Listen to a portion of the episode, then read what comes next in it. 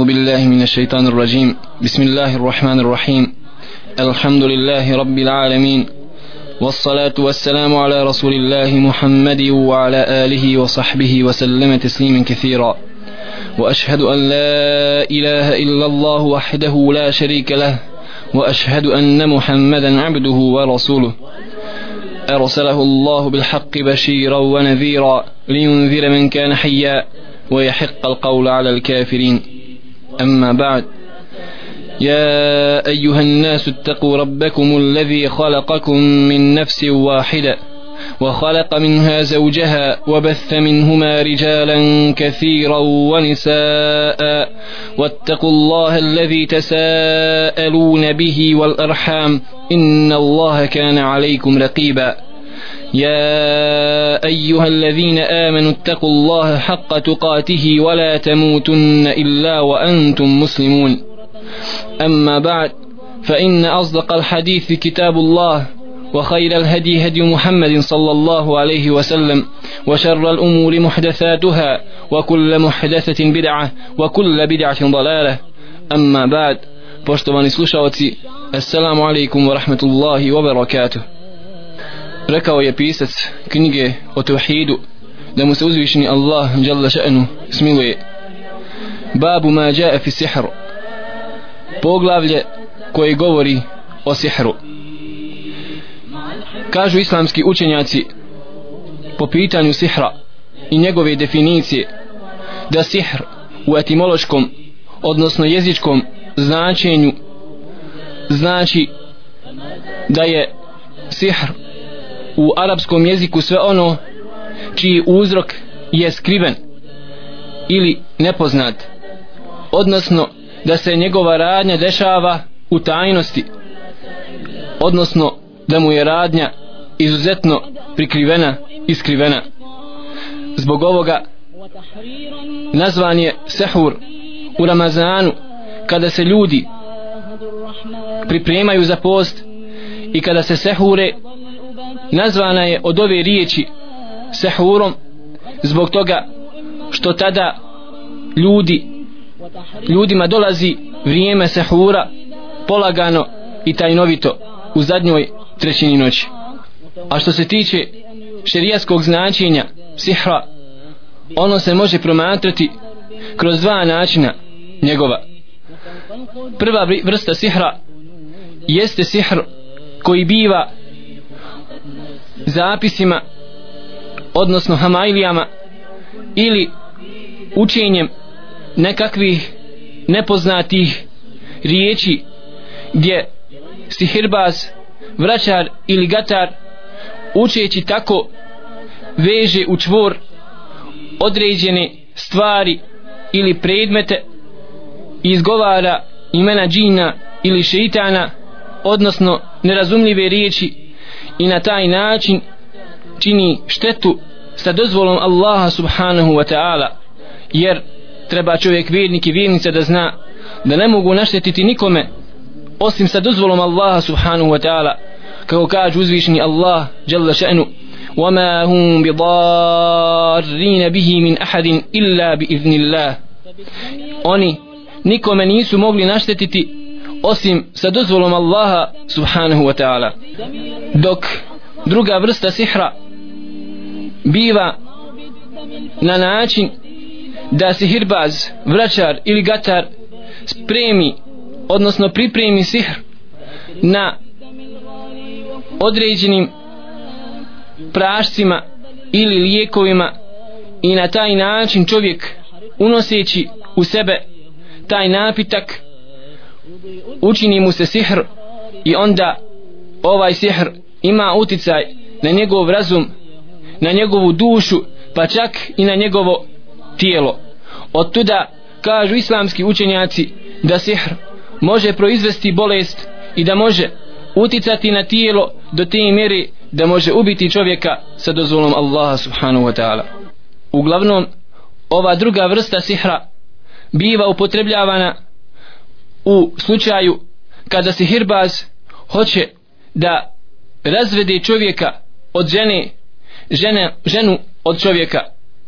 Ova vrsta sihra biva upotrebljavana upotrijebljena onda kada hoće recimo da čovjeka privoli njegovoj ženi ili da učini muža pokornim njegovoj suprugi, supruzi. Tako da postane potlačen i ponižen da sluša sve njene naredbe odnosno da se kloni njenih zabrana. Shodno ovome draga braćo i sestre treba da znamo da sihr njegovo učenje ili podučavanje nekoga drugome drugoga sihru treba čovjek da zna da on biva nekada širkom a nekada velikim grijehom. Biva širkom biva kufrom Allahu subhanahu wa ta'ala u slučaju ako čovjek upotrijebi džinna ili šeitana u spravljanju sihra. Dok kako kažu islamski učenjaci ako to bude nabačen sihr bez upotrebe džinna ili šeitana onda biva velikim grijehom prema Allahu subhanahu wa ta'ala. Shodno ovome različili su se islamski učenjaci po pitanju da li sihirbaz da li vraćar ili gatar koji pravi sihr biva um, nevjernikom odnosno da izađe za Allahove subhanahu wa ta'ala vjeri tako nema sumnje da kažu islamski učenjaci da ova osoba biva nevjernikom u Allaha subhanahu wa ta'ala. Zbog toga što je uzvišeni Allah jalla še'nu jasno u Kur'anu u suri Al-Baqara obavijestio da je sihr kufr Allahu subhanahu wa ta'ala. Kako kaže Allah jalla še'nu واتبعوا ما تتلو الشياطين على ملك سليمان وما كفر سليمان ولكن الشياطين كفروا يعلمون الناس السحر وما أنزل على الملكين ببابل هاروت وماروت وما يعلمان من أحد حتى يقولا إنما نحن فتنة فلا تكفر. gdje uzvišeni Allah jalla še'nu obavještava o onima koji su slijedili ono što su šeitani govorili o vlasti Sulejmana alaihi salam i Allah čisti Sulejmana od potvora koji su šeitani iznijeli na Sulejmana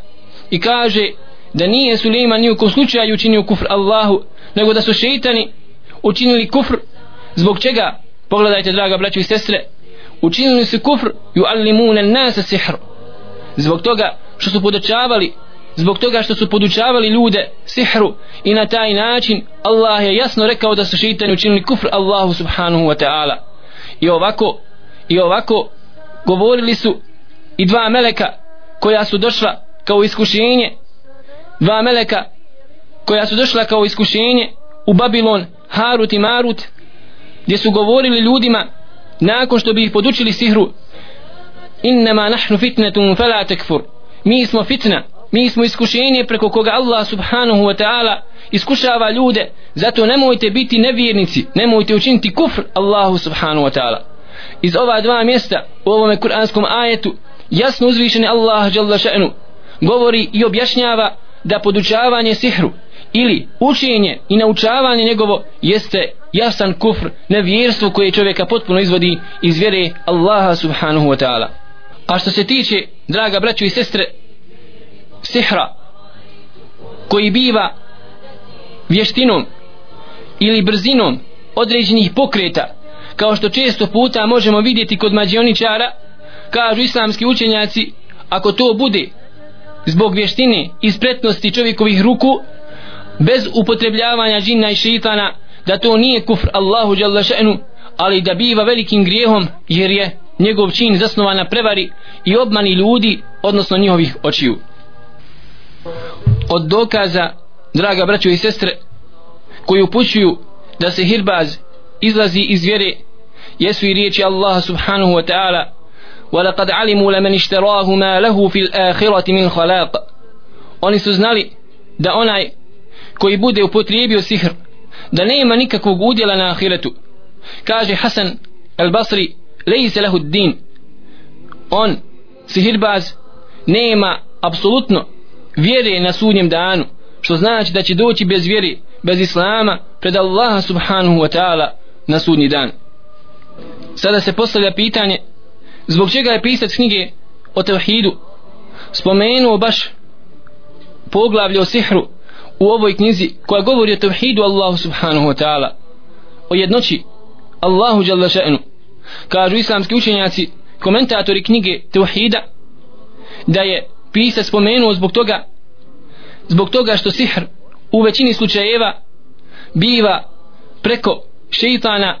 preko džina odnosno ne može sihr, sihirbaz učiniti sihr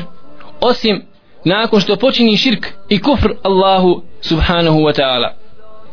I da je to tako potvrđuje na prvom mjestu kako što smo vidjeli Kur'an knjiga Allaha subhanahu wa ta'ala zatim i sunnet Allahu poslanika sallallahu alaihi wa sallam ali isto tako draga braćo i sestre mnogi ispovijesti sihirbaza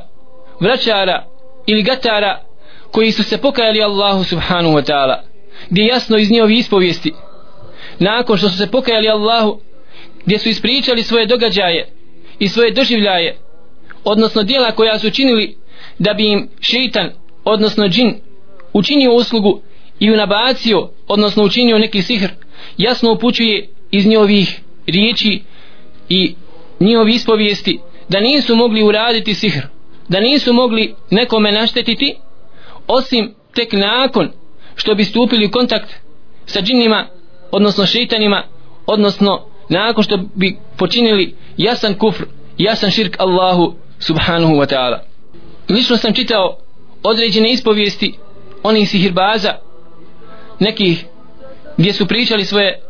svoja djela koja su morali počiniti da bi tek nakon toga mogli stupiti u vezu sa džinima odnosno šeitanima. Tako grupa njih spominje da su morali doći u džemat i to na vrijeme da bi klanjali namaz u džematu i da budu što bliže imamu da bi ih ljudi vidjeli. Ali nisu smjeli da dođu pod abdestom na namaz odnosno kada bi ušli u namaz morali bi što god mogu više opsovati ne sallallahu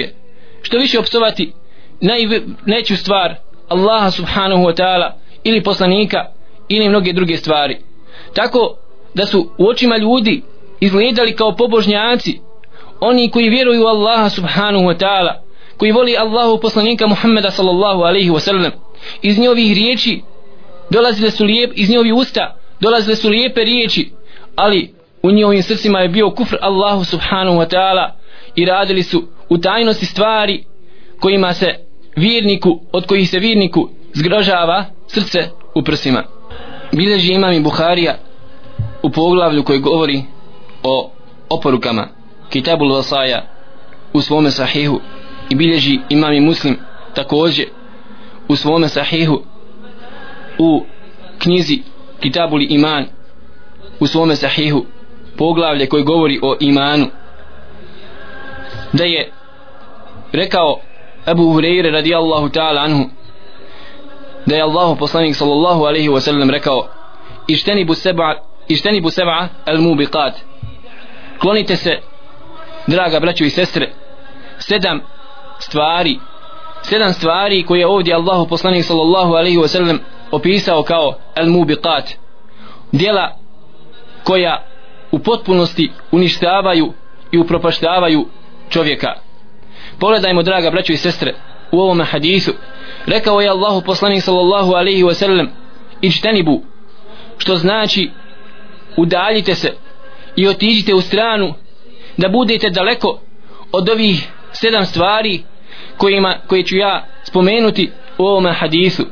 Jer nema sumnji kada Allahu poslanik sallallahu alaihi wa sallam kaže udaljite se i klonite se budite što dalje od njih jasnije daleko jasnije upućuje ova hadis zabranu da se čovjek uopće ne približava ovim stvarima nego da je rekao Allahu poslanik sallallahu alaihi ve sellem nemojte činiti. Jer kada čovjek ode daleko od harama kada ode daleko od ovih sedam stvari nema sumnji da će da neće doći u iskušenje da ih onda uradi. Shodno ovome hadisu Allahu poslanika sallallahu alaihi ve sellem od Ebu Hureyri neki od islamskih učenjaka su rekli da postoji samo sedam velikih grijeha. Međutim bilježi imam i taberani od Ibn Abbasa radi Allahu ta'ala anhuma da je bio upitan koliko ima velikih grijeha. S ovome hadisu aludirajući ovaj pitalac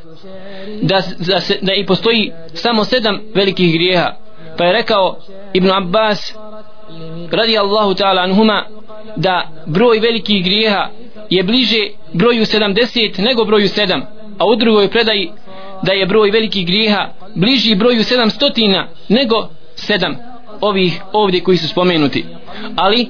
ovdje se želi reći draga braćo i sestre da su ovi grijesi među najvećim grijesima Allahu subhanahu wa ta'ala. Zbog toga je Allahu poslanik sallallahu alaihi wa sallam u ovom hadisu nastojao da sakupi najveće grijehe prema Allahu subhanahu wa ta'ala. Shodno ovome hadisu draga braćo i sestre treba da znamo da postoji drugi veliki grijesi mimo ovih grijeha koji su spomenuti ovdje u ovome hadisu. Shodno kako je Allahu poslanik sallallahu alaihi wa sallam naveo primjer da će biti sedam ljudi sedam kategorija sedam vrsta ljudi na sunjem danu koji će biti u hladu arša Allaha subhanahu wa ta'ala kada drugoga hlada neće biti osim njegova. Kažu islamski učenjaci nije želio Allahu poslanik sallallahu alaihi wa sallam da ograniči da će samo biti sedam kategorija koji će biti u hladu arša. Ne, bit će i drugih kategorija bit će i drugih ljudi koji će biti u hladu arša Allah subhanahu wa ta'ala ali ovdje Allahu poslanik sallallahu alaihi wa sallam spomenuo da su oni najpreći koji će da budu u hladu arša tako i ovdje u ovom hadis koji je sa nama večeras koga komentarišemo treba da znamo da nije da nisu veliki grijesi ograničeni sa brojem sedam nego da oni su daleko veći. Pa kada su čuli ashabi Allahu poslanika Muhammeda sallallahu alaihi wa sallam klonite se, bježite u stranu udaljite se od sedam velikih grijeha koji, čovjek, koji čovjeka vode u propast pogledajte ashaba radi Allahu ta'ala anhum. Pogledajte ashaba Allahu poslanika Muhammeda sallallahu alaihi wa sallam koji su bili i te kako željni da saznaju koji su to grijesi. Pa su pitali Alu ja rasul Allah wama hun o Allahu poslaniće pogledajte edeba pogledajte ahlaka pogledajte poštovanja ashaba prema Allahom poslaniku Muhammedu sallallahu alaihi wa sallam. O Allahu poslaniće koji su to grijesi? Pa je rekao Allahu poslanik sallallahu alaihi wa sallam na prvom mjestu širku billah širk Allahu subhanahu wa ta'ala izjednačavanje bilo čega i bilo koga mimo Allaha subhanahu wa ta'ala sa Allahom jalla še'nu. O ovome velikom grijehu mi smo govorili mnogo puta u našim prethodnim predavanjima zato nećemo se na njemu posebno zadržavati a drugi grije koga je spomenuo Allahu poslanik sallallahu alaihi wa sallam jeste baš ono o čemu mi večeras govorimo a to je sihr sihr koga ljudi čine i koga ljudi podučavaju želeći na taj način da naude drugim ljudima. Jeste draga braćo i sestre kako i ne bi bio spomenut u kontekstu zajedno sa širkom Allahu subhanahu wa ta'ala ovaj opak i veliki grijeh jer koliko je rastavljenih brakova koliko je rastorenih porodica koliko je proplakanih večeri od strane žena za svojim supru, supruzima koliko je belaja nanešeno putem sihra. Pa ako čovjek samo ovu stvar skonta ako čovjek samo malo bolje razmisli koliko je trema unešeno u kuće muslimana i muslimanki zbog zavidnosti komšija i komšinki zbog toga što su vidjeli da njegov, njihove komšije bolje žive ili da imaju miran dom da imaju mirnu kuću da imaju lijepu familiju i porodicu. I onda šta je rješenje? Otići si hirbazu otići vraćaru otići gataru i uzeti hamajliju ili uzeti određenu tvar tekućinu ili napitak i ubaciti na takav način podmetnuti zapis ispod praga ili na neko drugo mjesto i nauditi svome komšiji i kako i ne bi bio kufr Allahu subhanahu wa ta'ala ovako djelo jer pogledajte koliki belaj koliki nered koliki fesa čovjek čini sihrom u odnosu na ostale ljude zato treba da znamo da je uzvišen Allah enu rekao ولقد اشتراه ولقد علموا لمن اشتراه ما له من خلاق ما له في الآخرة من خلاق oni su saznali i znali su da onaj koga počini ko počini sihr da nema nikakvog udjela nema očekivati šta na ahiretu na sudnjem danu pred Allahom subhanahu wa ta'ala. I kaže Allahu poslanik Muhammed sallallahu alaihi wa sallam u ovom hadithu spominjući četvrti veliki grijeh. wa qatlu nafsi allati harrama Allahu illa bil haqq i ubiti ubiti stvorenje ubiti čovjeka ili ženu onoga koga uzvišni Allah subhanahu wa ta'ala zabranio da se ubije osim sa pravom. Kažu islamski učenjaci u komentaru ovog dijela haditha da pod ovom rečenicom Allahu poslanika sallallahu alaihi wa sallam podrazumijeva se da nije dozvoljeno ubiti četiri kategorije ljudi. Nije dozvoljeno ubiti vjernika mu'mina ili mu'minku Allaha subhanahu wa ta'ala. Zatim nije dozvoljeno ubiti zimmiju a zimmija jeste štićenik koji dođe i živi u državi gdje vladaju muslimani ali on dođe i nastani se tu i plaća džiziju plaća porez u islamskoj državi u zajedničku blagajnu Bejtul Mal u zajedničku blagajnu muslimana. Ovakvu osobu bez obzira da li bio kršćanin da li bio židov nije dozvoljeno ubiti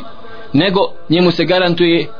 život njemu se garantuje čast njemu se garantuje i metak do te mjere draga braćo i sestre da su se islamski učenjaci razišli po pitanju vjernika koji ubije bespravno ovog štićenika koji dođe da živi među muslimane i plaća džiziju zbog svoga kufra i nevjerstva u Allaha subhanahu wa ta'ala. Do te mjere kažem da su islamski učenjaci razišli ukoliko bi čovjek vjernik ubio kršćanina ili židova koji je zaštićen na ovakav način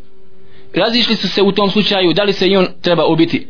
Međutim ono što je ispravno mišljenje jeste da se ne ubija vjernik za nevjernika ali se kažnjava zatvorom i ostalim sankcijama shodno islamsku shodno sudiji koji vlada u islamskoj državi. Treća kategorija ljudi koji nije dozvoljeno ubiti jeste isto tako kršćanin ili židov ili vatropoklonik koji se zove El Muahid a to je osoba koja živi među, u svojoj državi među kršćanima ili židovima ali mi imamo ugovor imamo sporazum o miru sa njima. Tako da ukoliko bi on došao na našu teritoriju ako imamo ugovor jer u islamu draga braćo i sestre jeste ugovor svet nije ga dozvoljeno prekršiti tako da nema problema ako bi on došao na teritoriju koju kontrolišu muslimani u tom slučaju njemu islam garantuje njegovu čast i njegov imetak i njegov život. I četvrta kategorija ljudi jesu oni koji su nazvani al mustamin to je osoba nevjernik kršćanin ili židov koji živi na teritoriji koja je u borbi u momentu određenom vremenskom periodu sa muslimanima. Međutim ukoliko bi zatražio utočište kod muslimana da dođe radi trgovine recimo ili da radi pregovaranja sa muslimanima ili da se upozna u Allahu subhanahu wa ta'ala vjeri pa da uđe u Allahu u vjeru da uđe u islam u tom slučaju nije dozvoljeno ukoliko muslimani garantuju sigurnost i daju mu utočište u svojoj državi nije dozvoljeno draga braću i sestre da mu se bilo šta učini nažao zato kaže Allah subhanahu wa ta'ala wa in ahadun min al mushrikin istajaraka fa'jirhu hatta yasma' kalam Allah thumma ablighu al-ma'mana. Di kaže uzvišeni Allah poslaniku Muhammedu sallallahu alaihi wa sallam ako neko od mušrika dođe i zatraži od tebe utočište zatraži od tebe zaštitu bez obzira što si u borbi protiv mušrika ti mu daj utočište da čuje Allahov govor da čuje što kaže Allah što kaže Allahov poslanik da se upozna sa Allahovom vjerom da se upozna sa Islamom i onda ponovo ga vrati sigurnog na njegovu teritoriju nakon što je čuo o Allahu subhanu subhanahu wa ta'ala vjeri. Vrati ga sigurnog na njegovu teritoriju. A što se tiče draga braću i sestre oni koji uzvišni Allah subhanahu wa ta'ala dozvolio da se ubiju među muslimanima jesu oni koji počine blud ali su oženjeni ili udati. Jer čovjek oženjen ili žena udata koja počini blud treba da zna da je uzvišen Allah subhanahu wa ta'ala odredio smrt. Da je Allah subhanahu wa ta'ala odredio smrt kamenovanjem. Ili čovjek koji ubije drugog čovjeka namjerno pazite ne nehotice, nego namjerno sa predumišljajem Allah subhanahu wa ta'ala odredio kisas u kome je život za vjernike gdje je spas čovječanstvu da se smrtna kazna izvrši nad onime nad onom osobom koja je ubila namjerno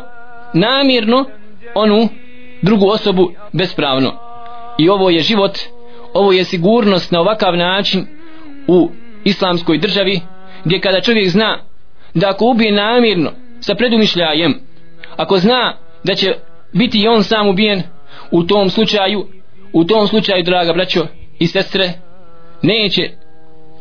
neće učiniti ovako gnusa, gnusno djelo. Takođe osobu koju je dozvoljeno ubiti jeste osoba koja je ostavila Allahu subhanahu wa ta'ala vjeru nakon što je ušla u nju nesilom. Onda Allahov sud Allahov zakon jeste da se ta osoba poznata kao murted otpadnik od Allahove subhanahu wa ta'ala vjeri ubije nakon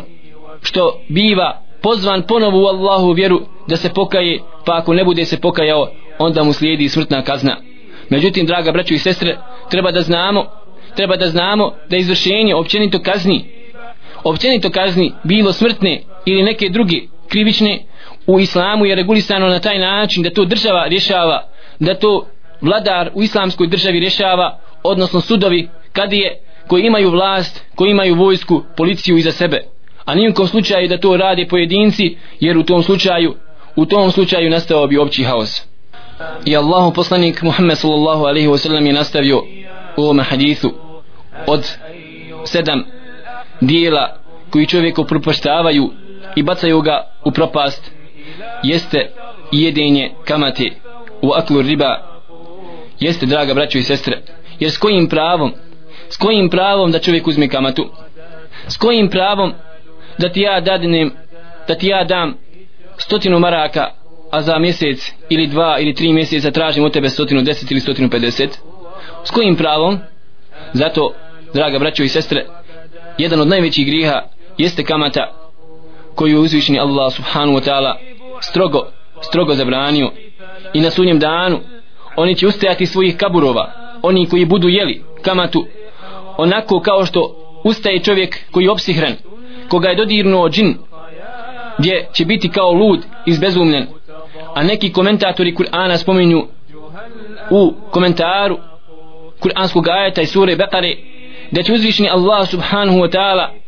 dati onome koje je jeo kamatu dati sablju u ruke i bit će mu rečeno hajde bori se protiv Allaha subhanahu wa ta'ala. Jer onaj koji se bavi kamatom ovdje na dunjalu ko on je objavio rat Allahu i poslaniku pa shodno tome na sudnjem danu bit će nagrađen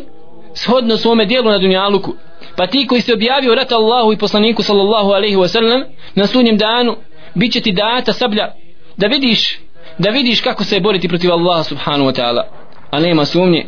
zamislite kakav će ishod biti rekao je Allahu poslanik Muhammed sallallahu alaihi wa sallam da kamata se dijeli na 72 vrste a da je najblaža od tih kamata onako onolika kao kada bi čovjek da nas Allah sačuva od toga počinio blud sa svojom rođenom majkom. Da nas Allah subhanahu ta'ala sačuva od kamati i kaže Allahu poslanik sallallahu alaihi wasallam u aklu mali ljetim da je jedno od dijela kojeg čovjeka upropaštavaju jeste jedinje imetka metka siročeda. Jer treba da znaš dragi brate i sestro ti kome uzvišni Allah subhanahu wa ta'ala dao priliku da sebi zaradi džennet odgajajući jetima treba da vodiš računa o imetku njegovom i da ga ne trošiš za svoje svrhe. Osim gdje kažu islamski učinjaci da ukoliko čovjek staratelj brini o jetimu da mu je dozvoljeno da uzme naknadu iz imetka jetima određenu naknadu kao recimo određenu svotu novca mjesečno zbog toga što ga on što o njemu recimo vodi računa i na taj način da uzme samo onoliko koliko mu je potrebno. U ostalom sluč, u ostalim slučajevima kažu islamski učenjaci obaveza staratelja obaveza onoga kome je dato povjerenje da vodi računa o jetimu da vodi računa o siročetu obaveza njegova je da uloži njegov imetak kako mu je Allah subhanu wa ta'ala ostavio nakon smrti babi da uloži njegov imetak u određenu trgovinu gdje mu preovladava mišljenje da će moći zaraditi jetim da obrne njegov novac i da na taj način zaradi za jetima i naravno sva zarada pripaja se imetku samog siročeta i kaže Allahu poslanik sallallahu alaihi wa sallam وتولي يوم الزحف i da čovjek pobjegne sa bojnog polja kada se sukobi sa nevjernicima sa Allahovim neprijateljima da pobjegne sa bojnog polja to je jedan od velikih grijeha i od dijela kojih čovjeka bacaju u propast zato treba da znaš dragi brate nije dozvoljeno da bježiš sa bojnog polja kažu islamski učenjaci da nije dozvoljeno da čovjek bježi sa bojnog polja osim u dva slučaja. Jedan od njih jeste da čovjek skreni sa da se povuče siljem taktike odnosno da bi sa druge strane prišao neprijatelju da ga iznenadi ili u tom smislu da to bude taktička varka. I drugi slučaj kažu islamski učenjaci da čovjeku je dozvoljeno da se povuče i pobjegne iz bojnog polja u slučaju da se pripoji drugoj grupi. Na taj način da se izvuče recimo od svoje grupe koja je opkoljena na nekome brdu ili na određenoj koti pa da bi se povukao sa brda i pripojio se drugoj jedinici ili drugoj grupi muslimana obavijestivši ih šta se desilo sa njegovom braćom koja se ostala zarobljena odnosno opkoljena ali pod uslovom kažu islamski učenjaci da njegovo povlačenje u tom slučaju bude da njegovo povlačenje neće oslabiti muslimane. Međutim ukoliko će njegovo povlačenje oslabiti narušiti moral ili oslabiti s nekog drugog aspekta materijalnog ili tehničkog u tom slučaju nije mu dozvoljeno da se povuče nego mora da se bori dok ne bude poginuo na taj način uzdižući Allahu subhanu wa ta'ala vjeru. Jer bježanje sa bojnog polja jeste poniženje za Allahu vjeru jeste poniženje za muslimana zato musliman ne smije da bude ponižen ni u kom slučaju. Kažu islamski učenjaci u komentaru kuranskog ajeta koga uzvišnji Allah subhanahu wa ta'ala spomenu u suri Al-Anfal Al-ana khaffafa Allahu ankum wa alima anna fikum da'fa Allah subhanahu wa ta'ala je vidio da ste slabi i sad vam je dao olakšanje. Ukoliko bude duplo nevjernika više. Pazite draga braćo i sestre u određenoj borbi u određenoj akciji duplo više u tom slučaju dozvoljeno je muslimanima da se povuku. Ali ako to nije takav slučaj nijekom slučaju nije to dozvoljeno. I kaže Allahu poslanik sallallahu alaihi wasallam wa qadfu al-muhsanat al-ghafilat al-mu'minat. I potvora potvora čestitih vjernica vjernice koji su gafletu od toga totalnom nemaru. Nikad im ni na um nije palo da bi mogle počiniti blud i neko dođe i potvori ih da su one počinile blud. E ovome ko bude potvorio vjernicu a kažu islamski učenjaci odnosno većina islamskih učenjaka da se to odnosi i na poštenog vjernika ko bude potvorio muškarca vjernika mu'mina u Allaha subhanahu wa ta'ala da je počinio blud treba da zna treba da zna da je na taj način počinio jedan od velikih grijeha koga je ovdje Allahu poslanik sallallahu alaihi wa sallam spomenuo zajedno sa širkom zajedno sa sihrom zajedno sa ubistvom zajedno sa jedinim imetka jetima zajedno sa kamatom zajedno sa bježanjem zbojnog polja. Molim uzvišnog Allaha jalla šanu molim uzvišnog Allaha subhanahu wa ta'ala da nas sačuva da nas udali od svih velikih grijeha a ako se sačuvamo od velikih grijeha nadat se je da će Allah subhanahu wa ta'ala preći preko onih sitnih koji se nađu između toga أقول قولي هذا وأستغفر الله لي ولكم ولسائر المؤمنين فاستغفروه إنه هو الغفور الرحيم